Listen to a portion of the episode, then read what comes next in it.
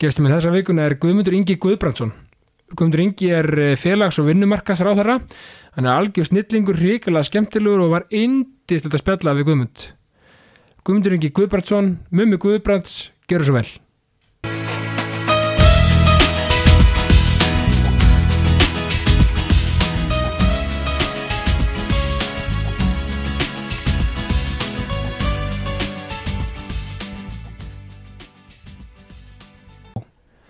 Guðmundur Ingi Guðbrandsson, mummi Guðbrands, velkomin. Takk kærlega fyrir. Hvernig finnst þér, ég spyr alltaf til að byrja með, svona, hvernig finnst þér að vera í, í hlaðvarpi sem er með yfirskriftina í ákvæðni? Mér finnst það mjög spennandi Já, og hef bara ákveð að reyna að vera rosa jákvæður í þessu þætti. Þetta er ekki neikastið Það er ekki neikastið sko. Þannig að já, ég kem fullur bjart síni og jákvæðin allavega inn í viðtali. Já, sjáum til eftir Nei, þetta er náttúrulega sko eins og ég segi, ég er svona að reyna að breyða bóðskapnum og, og, og mér langaði svo til að fá þig að því að þú, mér finnst þú vera svona já, einna bóðbjörum jákvæðinar og svona og bara gleði og hamingju og, og þú veist, engin vandamál bara lausnir, ég sé ert ekki svolítið að vinna með það, að reyna að sjá freka glasi hálf fullt? Jú, algjörlega. Uh, og ég trúi því einhvern veginn að, að sko, að ég svona er frekar pragmatískur Já, og trúi því að þú getur fundið lausni við flestum viðfangsefnum. Og ég tala mjög sjaldan um vandamál, ég tala um viðfangsefni. Já, og til dæmis eh, sett ég það svona eiginlega sem bara reglu hjá mér þegar ég var í umhverfismálunum sem að maður er náttúrulega í ennþá Já, já. maður, maður er ekkert að yfirgefa, yfirgefa þetta en þegar ég vann hérna hjá Landvend Já. að því að Landvend eru náttúruvæntasamtök sem að eru að uh, ofta gaggrina stjórnvöld og eru í aðhaldi og eru að benda það sem að betur mætti fara að tala ekki um vandamál, heldur tala um viðfangsefni einmitt. Vegna þess að það gerði samtökin meira eins og þau væru þáttakandi í því að finna lausnir en ekki bara benda vandamál. Þannig að ég kem kannski svolítið þaðan að reyna að nálgast viðfangsefnin með þeim hætti að það, það eru til lausnir á flestum hlutum.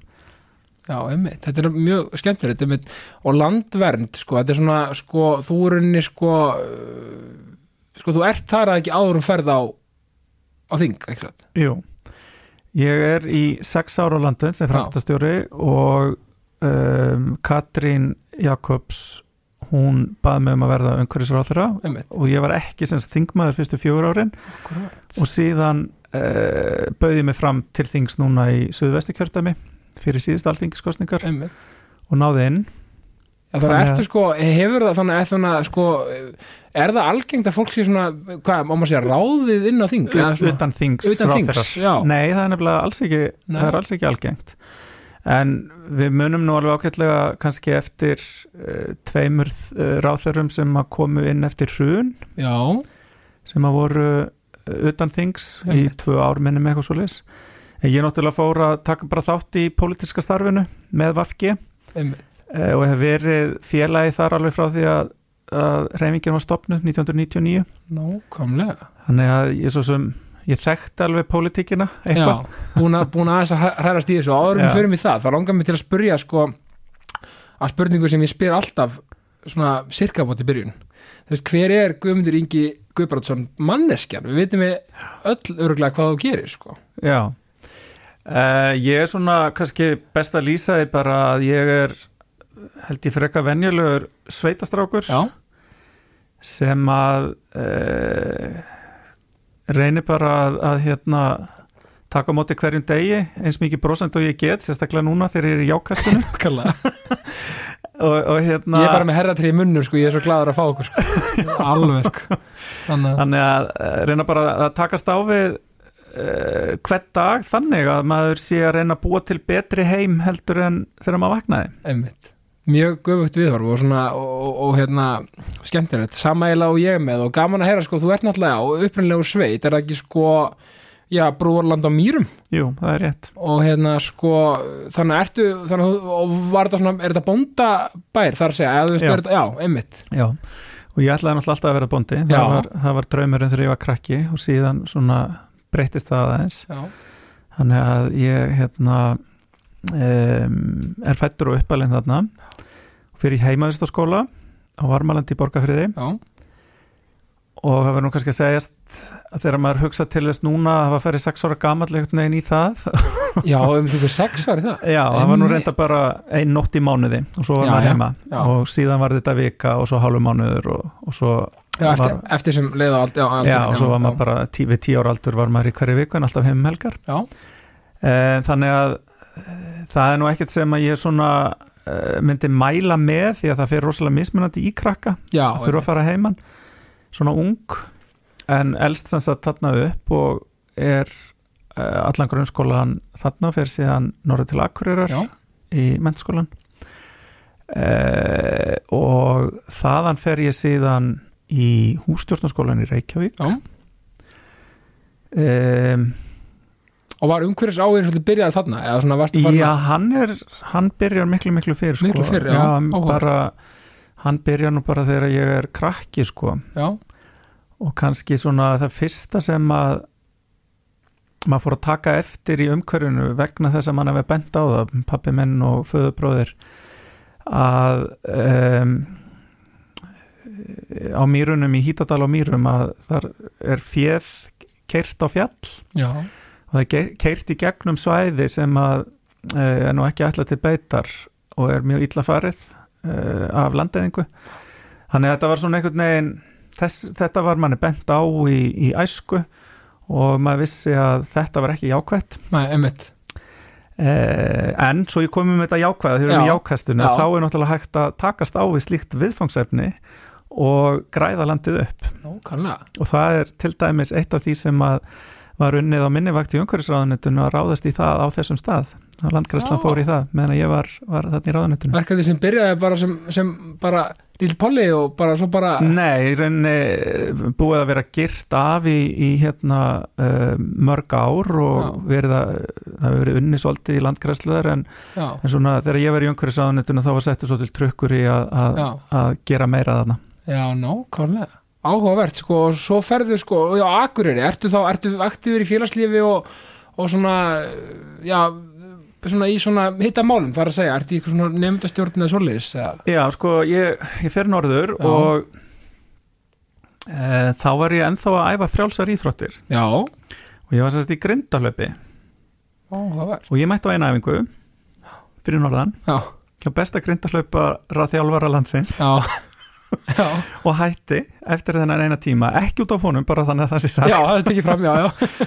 Heldur vegna þess að uh, leiklistin hafi hrifið mig með sér. Já, og ég tók þátt í uppfæslum leikfélagsmennskólans um, í þrjú ár. Það var alveg óbærslega gaman. Já, og settum upp frábæri leikrit. Og síðan var ég sérstætt formaður uh, skólafélagsins eða nefndafélagsins síðast árið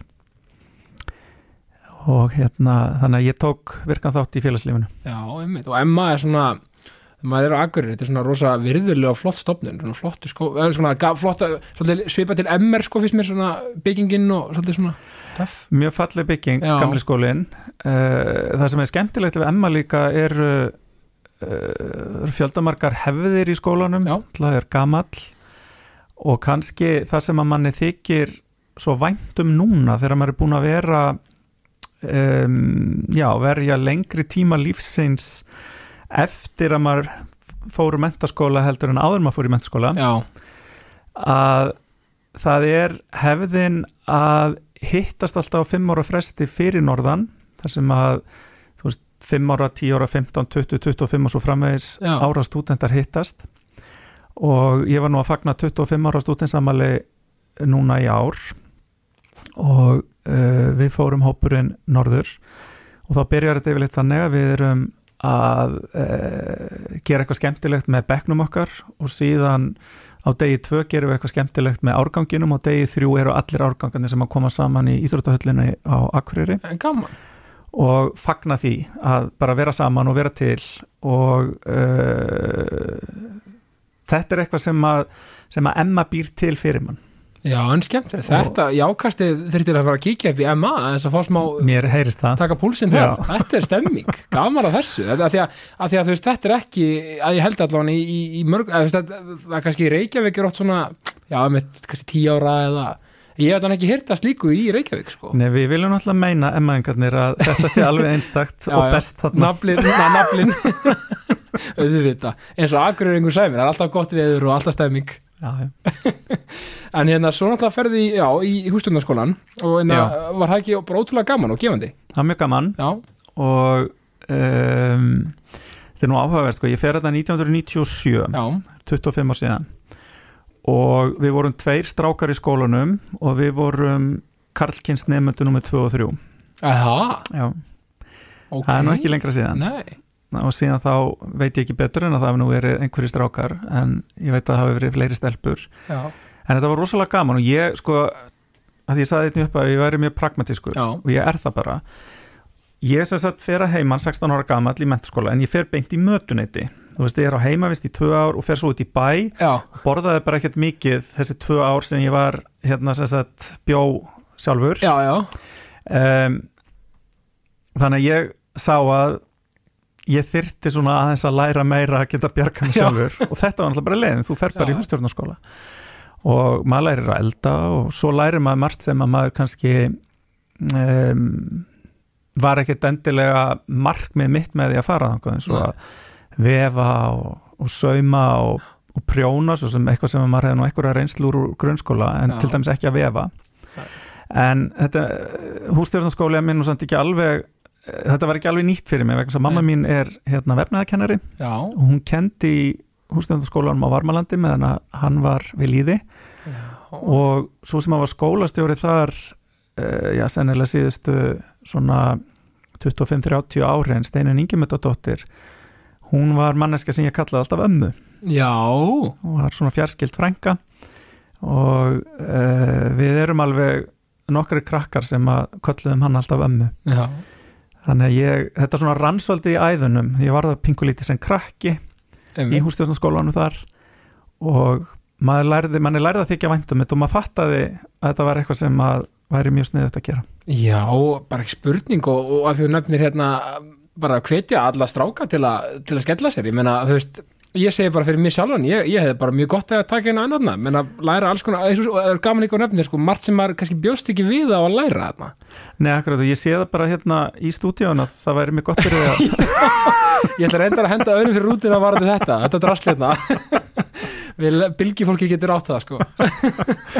Nei, nei, en, en algjörlega, þannig að þetta er bara frábært og svo tekur BS í líffræði Já, sem kannski láp einast við kannski verandi með umhverfis áhuga og svona áhuga kannski á líffræði já, en í millitíðinni fer ég samt í klaustur.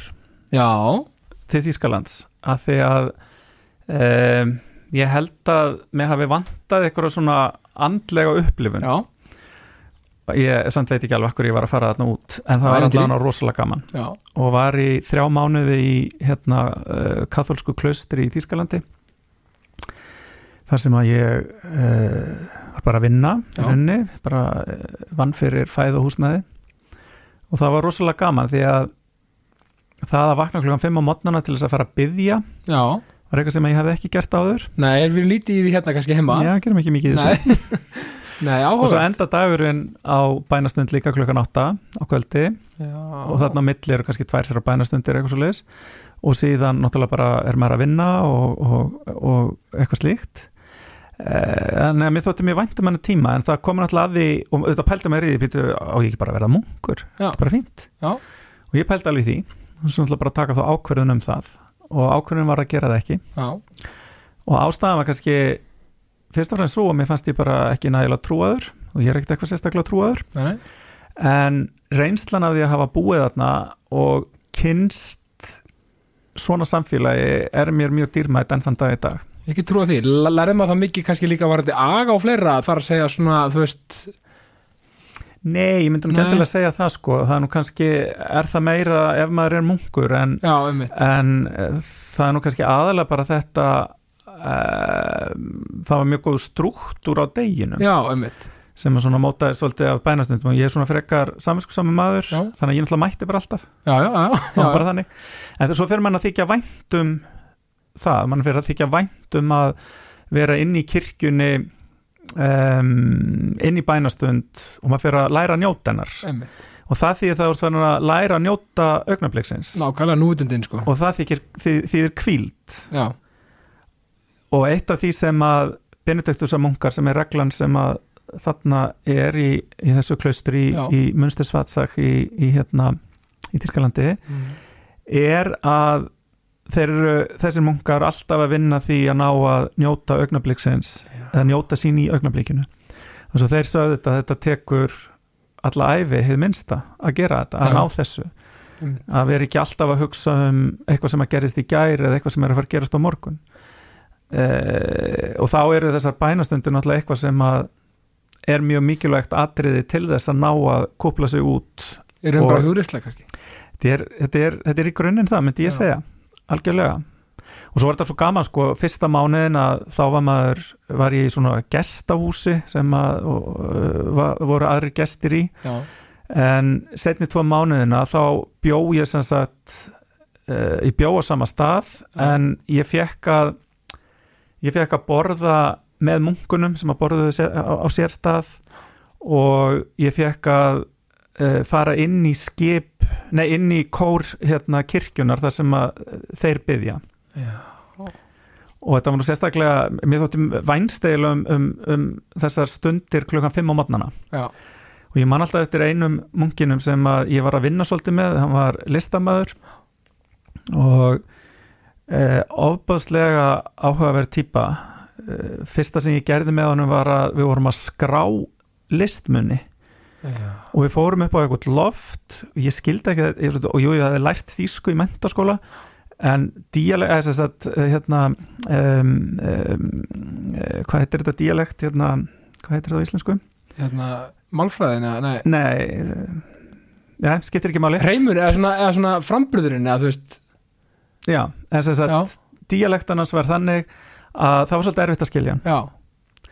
Og um, þú kunnir þess að svo kallu kinderdeutsch eða ekki, svona, bara svona, þú var svona góð, svona, kannski ekki alveg svona þannig en það er sagt svona, maður er svona kannski bjagaður en að gesa lappa já, ég, ég kunni svona einhverja mentaskóla þýsku já, og hún kom mér ákveðið langt. Já, en svo er erfitt að skilja fólk sem að sko, mállíska heitir þetta Mállýska, sem að ta tala ákveðnar mállísku akkurat og tala kannski mjög hratt og þú ert að skrifa eitthvað niður eftir þeim. Á, já, og síðan merkilega var að hann var ekkert að skrá alla hluti, bara svona þrjá fjóra og svo, já, förum núna í næsta herbyggi en við höfum eftir marga hluti. Nei, nei, láttu ekki svona, ekki sem vera svona nákvæmur. Og svo heldum við áfram. Og hann var svona típan sem að sko klukkan fimm á mótnana sem að misti bænabókina því að hann sopnaði og þá náttúrulega glimur öll kirkjan já, og leit svona næsta munk til þess að svona bara hvað ert að missa bókina þína? Sko, þannig að það var svona rosalegur húmor og, og svona væntum þykja í öllu sem að allavega ég uppliði Já, og- að sjálfsögðu pólitík án efa inn í, inn, á, svo- inn í svona samfélagi eins og allstaðar þess, og samkeppni og svo Já, og ein- eins og allstaðar og í rauninni er sko, en, en, en þessi hugsun sko, þessi pæling sko, í grunninn eins og þetta lýsa svona þessi núvitund og þessar svona góðu samfurstundir og mitt gleði og ríkjandi þetta er svo fallegt og þetta er einmitt að góða við trúabröðin þar að segja að þetta svona það er einmitt þessi svona velíðan og þessi svona, má ekki bara segja ákveðin frelsun í bara í að vera maður sjálfur og vera bara Mm einmitt í núvitund. Ég myndi alveg segja Ég myndi segja það allavega mín upplifun þarna var, var svo og svo kom ég þarna fyrir tveimur árum það hefði þó ekki komið í rúmlega 20 ár. Já, það var óbærslega gaman. Það ekki? Jú. Og var ennþá einhver, voru einhverju sem voru Já, ég hitti alveg nokkra sem að ég hafði kynst þarna. Og þá var eiginlega maðurinn sem að var sko tengilegurinn minn þarna út sem að hafði verið í prestanámi með katholskum prest hér í Reykjavík. Já, hann var komin þarna til metorða og var orðin ábúti hann var því miður í burtu þegar ég kom. Opaslega uh, opaslega flottu maður. Já það hefur verið gaman að ná honum aftur en kannski fer ég bara aftur setna Ekki spurning, þetta er bara þú er bara að manifesta það hér í ákastinu. Já, Ekki spurning, þannig að og, frá, og frá Þískalandi ferðu í HÍ í BS, í Já, BS nám, já. í lífræði klára lífræðina Já, og það var mjög gaman. Uh, og fer síðan í umhverfisfræði út til bandarækjana já. Og það er svona mentunin Já, og rauninni Yale, sko, þú fyrir Yale sko, hvernig, hvernig hérna kom það til að þú fórst í Yale? Ég sótt um Já, sótt um nokkra skóla í bandarækjunum og fekk inn þar á samt og nokkrum öðrum stöðum. Og ég fekk svona ráðleggingar hjá íslenskri konu sem að starfaði þá sem professor við Boston Háskóla í umhverfisfræðum. Og hún sagði eh, hún ráðlegaði mér að fara þangað af því að þetta er svona virtur skóli með gott umhverfisprógram og ég fekk eh, líka styrk frá skólanum. Þannig að svona fyrir hluta af, af námskjöldunum þannig að þetta lagði sig ágætlega. Já, og var alveg opaslega gaman. Var, þetta var fólk sko nefndunir komið frá uh, já, var eitt þriðji nefndana var uh, voru erlendi nefndur tveir þriði og mjög víðsvegar ár heiminum. Þannig að þetta var mjög skemmtilegt. Multikulti stemming. Já, Já, og, og, og hvernig fannst þið svona, sko, hvar er Yale nákvæmlega í bandaríkunum? er í borg sem að heitir New Haven Já, á austustönd bandaríkjana í Connecticut.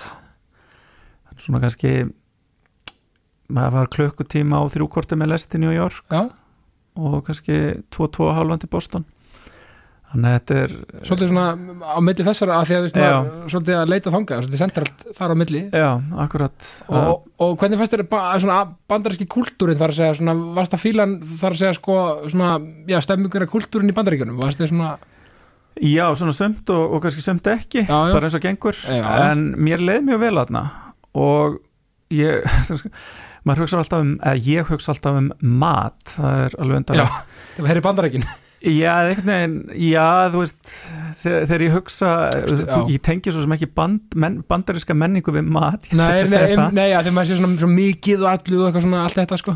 Algjörlega Já. en uh, það eru sko morgunverðarstaðirnir þeirra, dænararnir. Þeir eru eitthvað sem að, að hérna, varð svona hluta því maður fór sko eilum hverja helgi okkur á lögudegi og sunnudegi Já. í það og maður varð hluti af þeirri menningu þeirra og það er svolítið skemmtilegt þú finnur eitthvað svona sem að þú verður hluti af, ég held að þetta sé bara réttur svo þegar sömt fólk kemur hinga til Íslands og um, fer að synda í eitthvað, einmitt. skilurðu.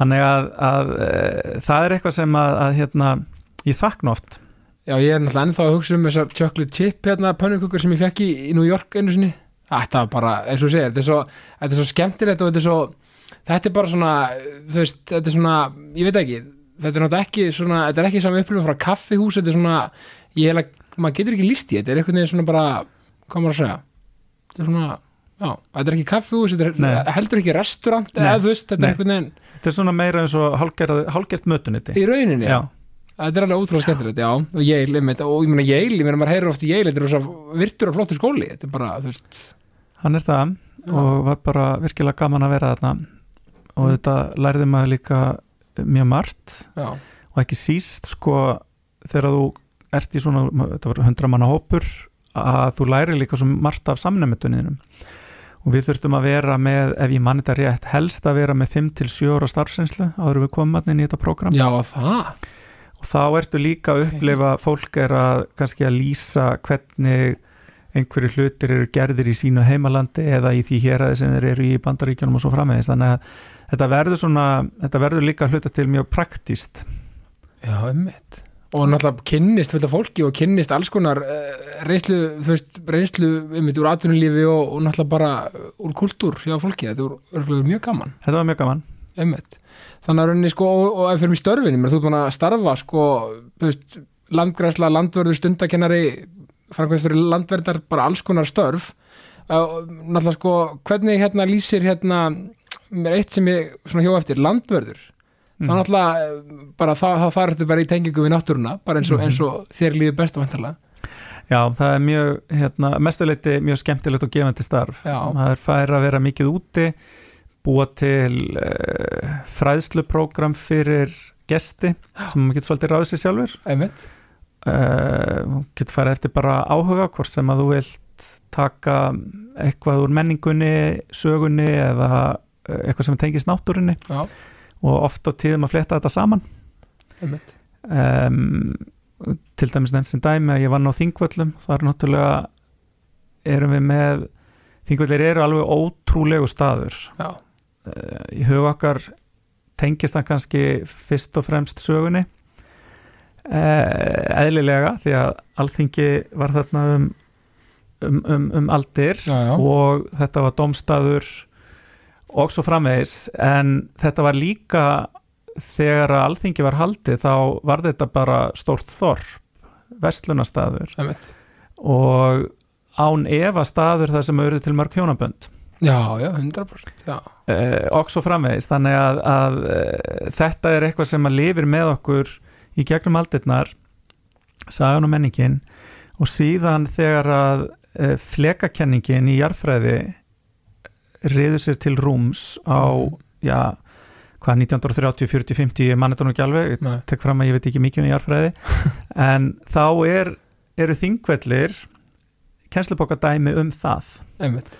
Svo upp á 1980 þegar að ferða að rannsaka uh, lífríki vassins meira og sérstaklega fiskin þá kemur í ljós hvernig jarðfræðin og, og hérna, þetta vistkerfi sem að þarna er er í rauninni svona já, við getum sagt bara leikús þróunar sko, já, eða svið þróunar ekki leikús, við getum sagt svið þróunar. Já, þar sem að voru að sjá sko mismunandi tegundir uh, bleikju vera þróast á tiltölulega stuttum tíma uh, segja tíðust árum eftir að, að Ísöld líkur það var sögulega síðan Já. einmitt. Og, og já, og, og sko um, jarfræðilega svo stuttu og tími. jarfræðilega alltaf, já, Já. já, þannig að þú ert með á svona svæðum svo þingvellum og fá að starfa slíku svæði sem landverður sem að þú ert með einhvern veginn samspil á milli sögu, menningar, náttúru og jarfræði nei, hérna, eh, vistfræði og, og, náttúrufræði og síðan hérna, vistfræði og líffræði segi og síðan jarfræði einmitt það er alveg einstakt. Algjörlega og ég held að fólk áttir sig ekki almennt á því einmitt hversu merkilegu staður þingvellir eru. Nei, og hérna, þú veist, fólk oftast les kannski lauslega um það og svona lærir um það í einhverjum mennskóla áfengum eða eitthvað, eða jafnvel grunnskóla. Já. en þetta er alveg stór merkilegt að heyra þetta. Já, já, og svo náttúrulega þjóðgararnir taka ofta á móti skólum. Eru mjög, mikilvægir í því. Eh, ég get nefnt líka vatnajökulsþjóðgarða sem ég vann líka og þetta er náttúrulega eitt af því sem ég var að vinna að í umhverfisráðunitinu að það var að stækka þjóðgarðan okkar og vann náttúrulega því að eh, koma á uh, svo kallum hálendisþjóðgarði sem er ekki, við erum ekki búin að, að, að klára í þinginu en þá nei, nei, eh, opbáslega gaman að vinna í þeirri vinnu mjög skipta skoðanir um það. Eh, en held lang flest sem að telja að innan fára ára eða allavega núna í ná, nánustu framtíð og þá munum við verða komin með hálendistjókar einmitt, að því að þessi verðmæti, þessi náttúru verðmæti sem að þarna er að finna, oft á tíðum menningarleg og söguleg verðmæti líka er eitthvað sem að ja, mínu viti okkur ber siðferðislega skilda til þess að halda utanum sem þjóð. Já, það er mjög margt gert þarna gott í dag, hluti af þessu eru frílistræði eða þjóðgarðar hluti ekki og það sem að saminur okkur er vilji fólks held ég bara allstaðar uh, á landinu til þess að uh, fara vel með þetta svæði. Já, það er það sem ég skinjaði þegar ég var að hitta fólk þó svo það væri kannski mögulega á móti hugmyndinni um hálendstjókar já, að það vildi venda hana einmitt, af því, að náttúran er náttúrulega bara okkar runni þú veist, fyrir að fyrsta einkenni svolítið. Já. og menna bara auðlind sem er ó þú veist, maður getur ekki sko skipt út þessari mögnuð auðlind sem þetta er, þetta er, þetta óyfirstíganlega mögnuð auðlind sem við eigum. Og eigum að vera stolt af henni. Og við erum það náttúrulega, hérna í ákastun allavega Já, allavega hér. Allavega hér sko, Ha.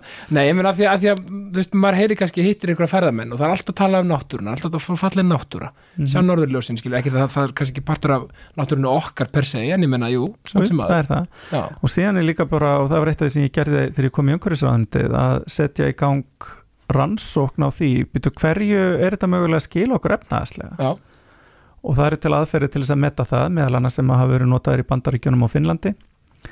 Og þá kom í ljós að var gerð svona rannsókn á nokkrum fyrirlistum svæðum að um, í rauninni hver króna sem að ríkið var að setja inn í uppbyggingu eða rekstur á þessum svæðum, hvort sem að það er að ráða landverði eða byggja þjónustumiðstöð, setja upp klósett eða göngustíka eða hvað það er að þá er eh, hver króna skila sér eh, sem 13 krónur aftur til eh, þjóðabúsins já, og það er náttúrulega algjörlega magnað. Algjörlega, því þetta er aðdráttarafl. Og þegar við erum búin að setja einhvern rammötunum og við erum búin að segja samkvæmt lögum er einhvern ákveði svæði þess virði að uh, vernda það, að, að friðlýsa það uh, hvort sem að það er þjóðgarður eða einhver annur gerða friðlýsingu að þá erum við búin að segja þá erum við búin að setja stimpil á það. Bæði stimpilin það að við ætlum að hugsa vel um það Já. en líka stimpilin að þarna er eitthvað merkilegt að sjá nefnt bara látrabjargar eitt af svæðinu Já. sem að ég friðlýsti geysir meiri segja, sem var einhverju hluta vegna ekki búið að friðlýsta sem þetta nákvæmlega. Uh, Goðafoss, Kettlingafjöll og svo framvegis. Þannig að það var, það var gert stór átak þegar ég var í umhverfisráðunitin í þessu og það var opbásla gaman. Já, ekki trúa því. Og, og hérna þetta voru svona þetta, þetta var, voru einn skemmtilegustu embættisverkin að það var að, að gera þetta. Já, nákvæmlega. Og sko, og, sko, og myndu talað um þetta sko, umhverfið og, og, og, og allt tengt í hefur sko af því að náttúrulega nú er þetta svolítið í deglunni bara í, í, í hérna, heiminum. Þar að segja hérna lofslags og umhverfið og allt þetta sko. Hefur, hefur, á, eh, hefur áhyggjur af þróunni að, Já, ég myndi segja að, að maður hefur það að sjálfsögðu já, vegna þess að um, horfum á bara heiminn allan já, þá uh, eru viðbrögð okkar mannana, þau eru of hæg þegar það kemur að loslagsbreytingum, það er alveg, alveg ljóst. Sum ríki eru að standa sig uh, mjög vel, önnur eru að gera voðalega lítið og svo eru enn önnur sem eru kannski eitthvað þarna á milli um, þetta er eitt stærsta verkefni samtímans að ná tökum á þessu viðfánsefni sem að lofslagsbreytingarnar eru vegna þess að það er hafa svo óbærslega mikil áhrif á náttúruna og náttúruauðlindir. Uh, á líka fysiska umhverfi bara veður, uh, þurka, flóð og svo framvegis. Þannig að ef að þú reiknar áhrifin af lofslagsbreytingum og þá sérstaklega auknum lofslagsbreytingum yfir í uh, krónur og öyra þá er þetta reiknistæmi sem að uh, jafnan er þannig að, að það borgar sig, marg borgar sig uh, að ráðast í aðgerðir hratt og öruglega til þess að draga úr þessum breytingum um, það var náttúrulega eitt af þeim áherslum sem við settum í síðustu ríkistöðun og eru með í þessari. Einmitt. Þannig að það er það er risaverkefni. Einmitt, og mér sýnist líka sko við á Íslandi mér, mér finnst vera svona allavega svolítið svona samhljómur í því að við erum svolítið svona einmitt, að, það eru flestir að flokka það eru flestir að reyna að gerast besta til þess að allavega í mínu nærumhverfi að Mhm. að gera svona sitt og, og, og kannski gleymist að kannski kemur stundur smá svona, hvað maður að segja e, svona nennuleysi eða mögur einhver kannski róki fólki að það eru margir í þessu, ég þarf ekki að spá þessu en við verðum öll að vera svolítið samheldin í þessu. Það er mjög mikilvægt að við séum alls saman í þessu, ég er alveg hjartalega sammála því. Og uh, það er líka bara gaman. Einmitt, þú veist Já. það er gaman að, að, að geta náð árangri. Og uh, ekki síst í, í svona málin sem að skipta bara heiminn opaslega miklu máli, skipta börnin okkar, barnabörnin það er nákvæmlega málið. Og meiri segja á okkar sko, þú nú sýnist mér aðeins yngri en ég en, en ég er orðin 45 ára. Ég er, er 930, við erum að sama aldri. Æ, ég þakka þér fyrir, það er bara svo svo jákvæður.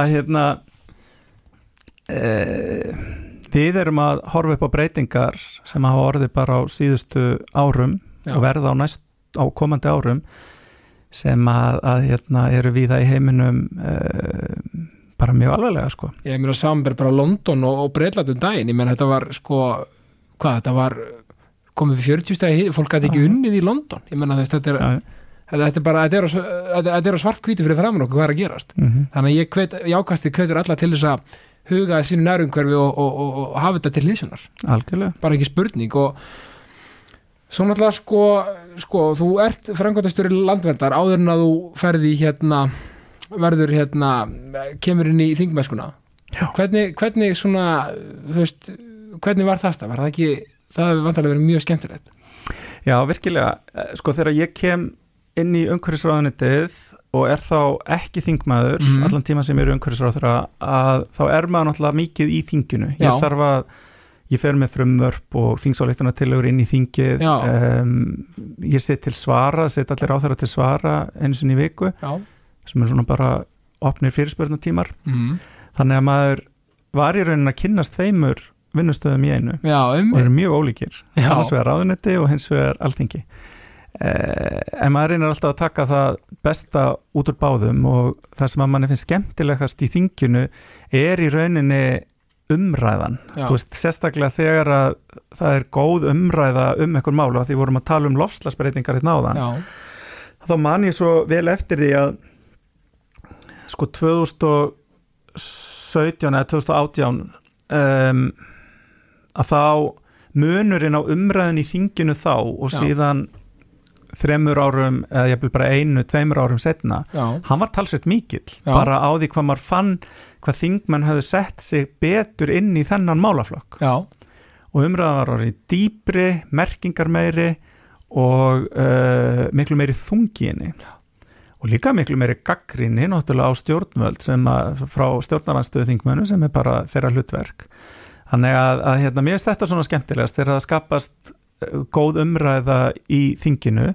Og svo er þetta óskaplega gaman þegar að maður kemur í gegn málum sem að uh, maður brennur fyrir. Já, og þau verða að lögum og þú finnur að þú ert að breyta ykkur í samfélaginu. Einmitt. og ég er með málaflokk núna sem að ég brenn líka fyrir rétt eins og umhverfismálun félagsmálin, einmitt, þar sem að þú veist við erum að vinna að, að eh, breytingum sem að koma sko örorkulífeyrisþegum fölluðu fólki til góða og um, það er einhvern veginn það eru svo mikil forréttindi fólkin í því að fá að vera í svona starfi eða vera, vera kjörin til starf sem þessa uh, og maður veit að maður verður ekki endalust í því. Nei, nei, nei. þannig að maður reynir að nota tíman eins vel og maður getur. Já, algjörlega og ég meina sko, sko þetta er náttúrulega skemmtilegt að minnist á þetta sko að því að þú náttúrulega sko sem umhverjus og öðlindar ráðira sko, þú ert það í hvað, frá 17 til 2017 til 2021 e, svo náttúrulega mitt félags og vinnum markasráðira þú veist, þetta er náttúrulega sko, einmitt, þetta er þetta komið tvo ólíka póla mm sem eru samt rauninni líki líka því þetta er á sama, þú veist, þetta er bara þú veist, ráðherra starf já, já, en sko emmitt og, og ert að sko þó ég sé sjálfur frá byrja bara hrikalega vel í, í nýju embætti. Já takk að þið fyrir það. Og hérna bara ekki spurning, ég meina ég þú ert líka svo jákvæður. Já, ég, það, já, nokkarlega nei, ég meina þú veist og þetta er sko, hvernig svona virkar sko, þú veist, ferli sko er ekki, ertu þá sko þegar þú tekur við embættinu, þá áttu svona þú veist, er þú náttúrulega vantar að teku við því að því að þú líka hefur ákveðna reynslu og pælingar og hugmyndir þar að segja á þessum, vett, á þessum, þessu sviði já, þetta er ekki bara alveg glæ nýtt fyrir þig bara, já, hörðu, já, hvað gerir ég nú, eitthvað svona. Nei, en samt alveg mikið nýtt myndi ég Mikið segja. nýtt. Já, eh, kannski ekki glænýtt, ég menna maður er fylst með umræðinni lengi og náttúrulega þá búin að sitja í ríkistjórn í fjögur ár og Já. geta fylst með því sem hefur verið að gerast í málafloknum Einmitt. en maður er ekki, maður er ekki inn í öllum krókum og kemum nei, nei, nei, nei, og uh, ég meina það er alveg heilmikil áskorun að, að í fyrsta lagi að taka að sér að vera ráþeira og uh, að taka að sér að vera ráþeira í málaflokki sem að já munurinn, kannski orðaða svona munurinn á því að koma í umhverfisráðunetið og félagsmálaráðunetið er að þegar ég kom í umhverfisráðunetið þá náttúrulega er ég búin að vera að starfa við umhverfismál sko frá því ég byrjaði að vinnumarka já, mentaði og starfa þannig að það er, það er svolítið öðruvísi. Þannig að það er maður kannski bara meiri sérfræðingur í málunum meðan að, að ég kannski má segja að í félagsmálaráðunitinu að veist, ég kem inn með ákveðna sín já, ég veit hvert, að, hvert ég vil fara og um, þó svo ég þekki ekki alla króka og kema kerfisins en svo Nei. kynnist maður því og það er alveg opaslega gaman. Og eitt af því sem að mér finnst svo gaman að upplifa í þessu nýja starfi og það er kannski vegna þess að maður er hrifnamur og uh, ég vona að ég sé sæmilega jákvæður ástæðan fyrir mér var bóðið hér í dag já það er nokkuð ljóst það. Þú ert mjög jákvæður, sko. En líka bara metnaðar gjarn og einhvern veginn þannig og garði gerður að ég vil koma góðum hlutum til en Einmitt. þá er óskaplega gaman að koma inn í svona málaflokk sem er manni uh, tiltöla nýr Mhm. og finna allan kraftin og áhugan og hvernig fólk brennur fyrir þessum málaflokki. Bæðin í ráðanettinu uh, en líka sko fólk sem er að vinna hjá félagasamtökum. Einmitt. og það snertir okkur öllurinn sko. að sjálfsögðu. Já, Ég menna vonandi við viljum öll eða flest við viljum, við viljum ná að eldast vel og, og hérna e, mjög mörg okkar náum þeim aldrei að verða ellilífuristega já, já, um, það getur alltaf eitthvað komið upp á lífsleiðinni sem að veldur því að við döttum, dettum út á vinnumarkaði. E, þurfum að fara á örorku. Já, margt fólk uh, við eigum fullt af, af fölluðum einstaklingum. Það eru innflytjendur hérna sem að þetta er allt málaflokkar sem að heyrundi ráðunitið hjá já, mér já, og mjög margir í rauninni jaðarhópar já, sem að, að hérna mér hefur fundist mjög gefandi að, að fá að, að, að vinna fyrir. Já, bara og, og, og, og eitt af þessu sem ég langar líka til að hérna, pinpointa því að sko það fara, sko fyrir mér skilur, utan að komandi verður ekki að starfa á, á alþingi. Mér er svo mikið hugrekki hjá þér og öðrum ráðurum og bara öllum sem er hlut að fara einmitt, að hoppa hann á milli, taka skrefið í einmitt kannski það sem er í, í sko ráðuniti það sem að kemur ekki bara bentu námi og búin að vera að vinna alla tíð sko. Og, og, og mér finnst það svo mikið hugrekki þor og, og, og, og, og drif að gera það og bara langar rósaði fyrir það og hafa þetta líka gert það svona vel Já, Bara- ég held að, ég meina fyrir, fyrir, fyrir okkur öll er, þú veist, þetta er alltaf stórt skref að taka við nýju ábyrðafullu starfi, ábyrða miklu starfi um, en við erum náttúrulega í pólitík vegna þess að við viljum sjá breytingar. Já, og við viljum þróa samfélagi með eitthvað ákveðnum hætti. Og það er náttúrulega munur á milli stjórnmálaflokka já, já, og að fá tækifæri til þess að setja marksitt á málaflokk uh, það er einstakt. Og ég náttúrulega um, maður vinnur eftir stjórnarsáttmálunum sem er samkomulega flokkana en maður getur líka sett sko um, er pólitísku áherslu sem að svo reyfing sem að maður tilherir eins og í mínu tilfelli Vafge eða vinstir græn uh, vinnur eftir og svo sem að maður sjálfur hefur. Og uh, Já, hugrekki, það er sjálfsagt, sjálfsagt eitthvað sem að, sem að þarf alveg í þetta. Já en ég held að sé líka bara maður þarf líka maður þarf ákveðin metnað já, og maður þarf að vera maður þarf að vera tilbúin til þess að takast á við hluti sem að geta verið erfiðir. Emmitt getur verið erfitt að koma í gegn getur verið erfitt að berjast fyrir en uh, maður hefur hefur hérna maður trúir á að sé eitthvað sem að skiptir máli.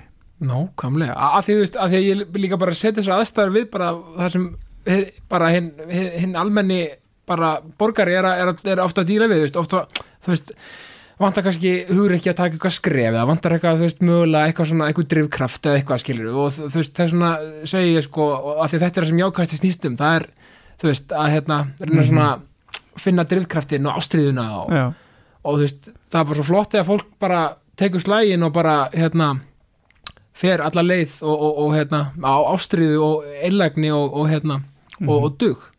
Ég bara, ég elska það fólk gera það. Þannig að bara virkilega flott og hvet alla til að hérna bara finna ástriðuna sína og keira á hana sko.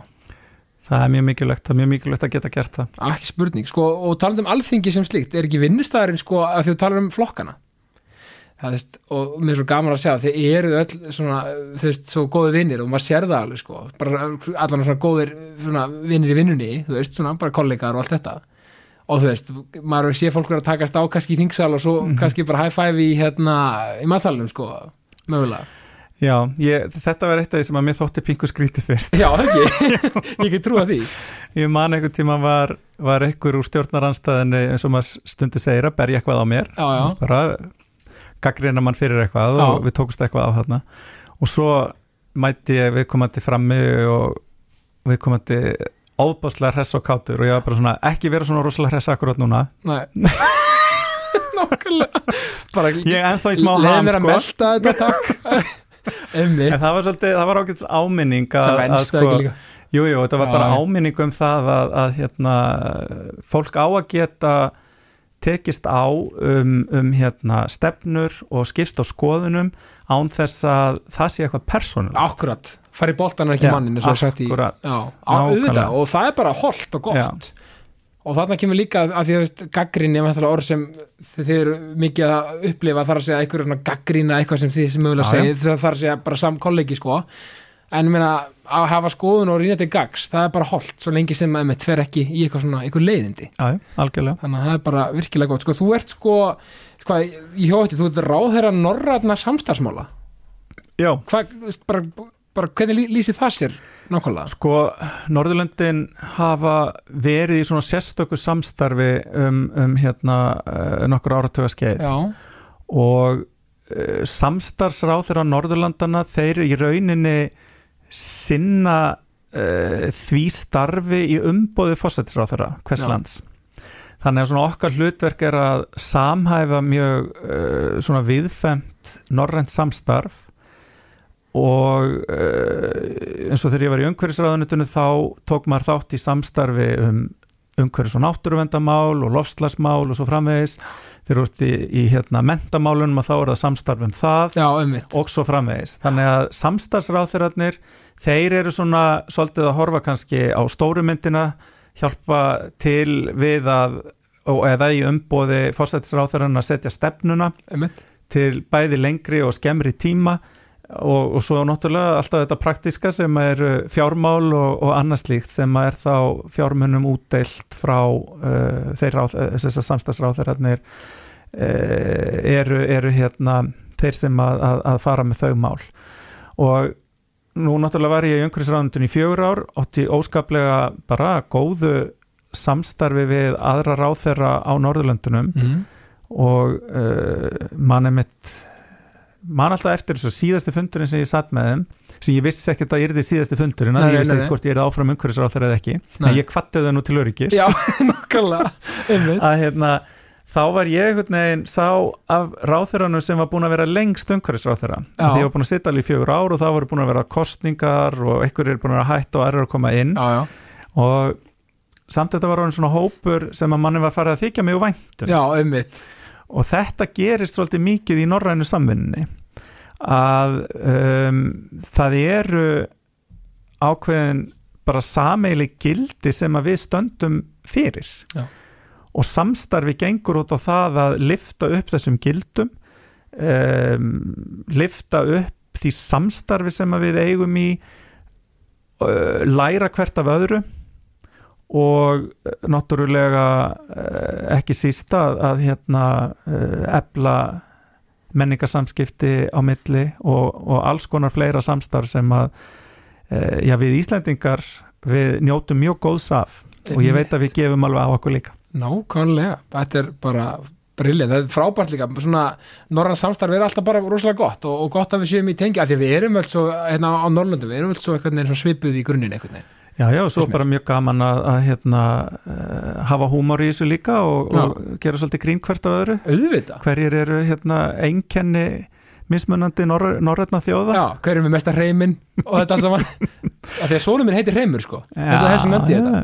já, já, Svo er þetta náttúrulega sérstök áskorun að tala norrlöndamál nákvæmlega. Því ég hef ekki búið á norrlöndunum og þetta hérna, er sérstök áskorun fyrir mig. Já, ég snakki lildansk lít, Já, bara lít. Bara lít. Nákvæmlega, sko ég hef bara segja, mér veist þú sko algjör fyrirmynd og, og bara í, í í leik og og, svo mikilvægur í baráttu af því nú eru hérna, hérna nú er, eru hins eginn þetta nýbúnir. Ný, þetta, er tekið upp. Þannig að, og þú ert svo mikilvægur í baráttunni bara fyrir marættindum og viðurkenningu og bara vel hrósaði fyrir það. Virkilega bara og það var svo gaman að sjá gönguna. Já, þetta var svo mikið gleði og bara, bara maður var bara maður mætti bara brosandi sko út af eirum úr miðbænum. Fannst þér ekki ganga hrikalega vel bara allt saman Jú, þetta var það var bæði mikill fjöldi og góð og mikil samstaða. Já, og það veitir ekki af núna vegna það hefur orðið bakslag í mannreitninda baróttu hins eginn fólks. Og við erum að sjá hann út um allan heim já, og líka hérna á Íslandi. Um, lýsir sig meðal annars í, já, við getum nú bara nefnt nærtakt dæmi sem er Oslo og skotárásundna sem eru þar í júni við getum nefnt að það er verið að gelta ungmennum sem eru hins eginn hérna á Íslandi samkynja pörum og svo framvegis. Já, þannig að uh, við megum ekki gleyma því að, að sko uh, gleðigangan þetta er kröfuganga, þetta er mótmælaganga akkurat og þetta er samstöðuganga. Og hún þarf að vera það áfram. Algjörlega og bara sko sko, skulum tökum sko bara hver sem það er tökum bara öllum fagnandi bara, og lærum, algjörlega. lærum að hvort öðru og lærum á sko allt sem þú veist allt sem bara allir eru. Já, þetta er bara, þetta snýst um það að, að viðurkenna fólk eins og það er. Nákvæmlega. Og um, ég segi nú stundum frá því sko að þegar ég var ráþerra þá kom í fréttunar að ég veri fyrsti samkynniði kallkins ráþerran já, þar með var ég komin út úr skápnum fyrir þjóðinni. Já. það var bara alveg rosalega þægilegt vegna þess að uh, hins eginn fólk er alltaf að koma út úr skápnum. Einmitt. Uh, örglega fullt af fólki á Íslandi sem að, sem að kannski veit þetta ekki en það var einhver svona þungu fargja með létt það þurfi Já. ekki alltaf einhvern veginn að vera að eða vera, vera meðvitaður um það að fólk vissi þetta ekki já, einmitt, einmitt. og að það gæti þá einhvern veginn líka það geti mistíð sig einhvern veginn og sagt eitthvað óviðegandi og maður alltaf að áhyggjur eitthvað svolítið, svo áhyggjur af öðrum taka, Já. taka einhvern veginn ábyrðin á öðrum þegar maður er, í- já, já, og, bara mjög margt hins eginn fólk upplifið sér þannig. Einmitt, og, maður á bara alls ekki að þurfa þess. Maður er alls ekki að þurfa þess. Nei, en það sem að ég geri að þegar ég er erlendis á fundum og sérstaklega þetta eru fundir með fólki mjög víða aður heiminum já, ég reyna ofta að koma því að að ég sé hins einn og það er ofta auðvelt að pota því inn í eitthvað sem maður er að segja eins og bara ef að maður er að tala um það að, að hérna, það þurfi nú að muna síðan eftir ímsum uh, jáðarhópum og þá getur maður nefnt til dæmis hins eginn fólk og í staðin fyrir að segja bara hins eginn fólk þá getur maður sagt um, við hins eginn fólk eða Já. hvað varðar okkur hins eginn fólk þannig að maður gerir sjálfan sig það komið skýrt fram að maður sé það vegna þess að ég tel að það skipti máli fyrir ríki heims þar sem að tilveruréttur okkar hins eginn fólks er ekki viðkendur að það sjáu að það séu til lönd í heiminum þar sem að hins eginn manneskja er valin til áhrifa. Akkurat. Þannig að þetta er bara og þarf ekki að vera eitthvað að- tala um það sem eitthvað sérstaka, sérstakt málefni sko, bara, það- sé bara norm, það að já, sé bara, það sé bara eitthvað sem að, sem að getur bara vel gengið. Nákvæmlega, sem það svo sannlega gerir. Ég, ég vona það. Já, bara þú veist, bara þú ert bara já, eins og ég segi, þú ert bara hérna frá, sko, frábær bara talsmaður hérna, minn segi fólks. Og bara allra, allra bara. Maður reynir. Já, bara það er bara svoleiðis. Og hérna, ég bara maður er bara um peppaður hérna. Já, er það ekki. Sko, svona, sko, er eitthvað svona, eitthvað svona sem drífuði áfram í leik og starfi? Eitthvað svona, eitthvað svona, ykkur á möndru eða eitthvað svona eitthvað svona, eitthvað innri drifkraft sem, Já, ég, eh, ég vona það, ég allavega, ég er bara mjög metnaðagjart já, og ég vil ná árangri. Og ég vil sjá, sko, ég vil sjá samfélagi eitthvað þróast þannig að við, um, að, að við einhvern veginn, við viðurkennum fólk eins og það er. Emmitt og maður er að læra þetta bara sjálfur okkur um einasta degi, kakvart öðru fólki. Og það sem að drífa mig áfram er bara einhver innri kraftur sem ég á erfitt með að lýsa en e, ég held að réttlætiskendin sé opáslega sterk og hún drífur mann mjög áfram í svona málum. Að na, reyna að ná fram réttlátara samfélagi þar sem við erum öll tekinn til greina þar sem við erum öll tækifæri. Bara hort á vinnumarkaði sem að, sem að maður er nú að vinna í, í, í núna sko, þessi tækifæri fyrir fatlað fólk, þessi tækifæri fyrir innflytjandur, þessi tækifæri fyrir eh, hópa sem að einhverja hluta vegna eru á jæðrinum til þess að taka fullan þátt á vinnumarkaði. Bara rétt eins og, og aðrir. Og þetta er einhvern veginn bara það er eitthvað svona drifkraftur réttlætis sem að, að, að hérna, drífum áfram. Ég hérna já, drifkraftur réttlætis. Ég held að hérna ég held að punkturinn yfir yð sé komið. Ég held að þetta hafi bara ég, ég ætla ekki svona að því ég ætla að spyrja um kvartning út í daginn Hún er hún er komin sko. Þannig að hérna bara þú, þú, þú neldir naglan á höfuðið fyrir mig. Það er nú gott, bara Guðmundur Ingi Guðbarsson takk kærlega fyrir komin í jákastið. Takk kærlega fyrir mig. Það var indislegt, ég enda alltaf á að segja ást og friður. Já segi bara líka ástofriður á móti. Takk fyrir mig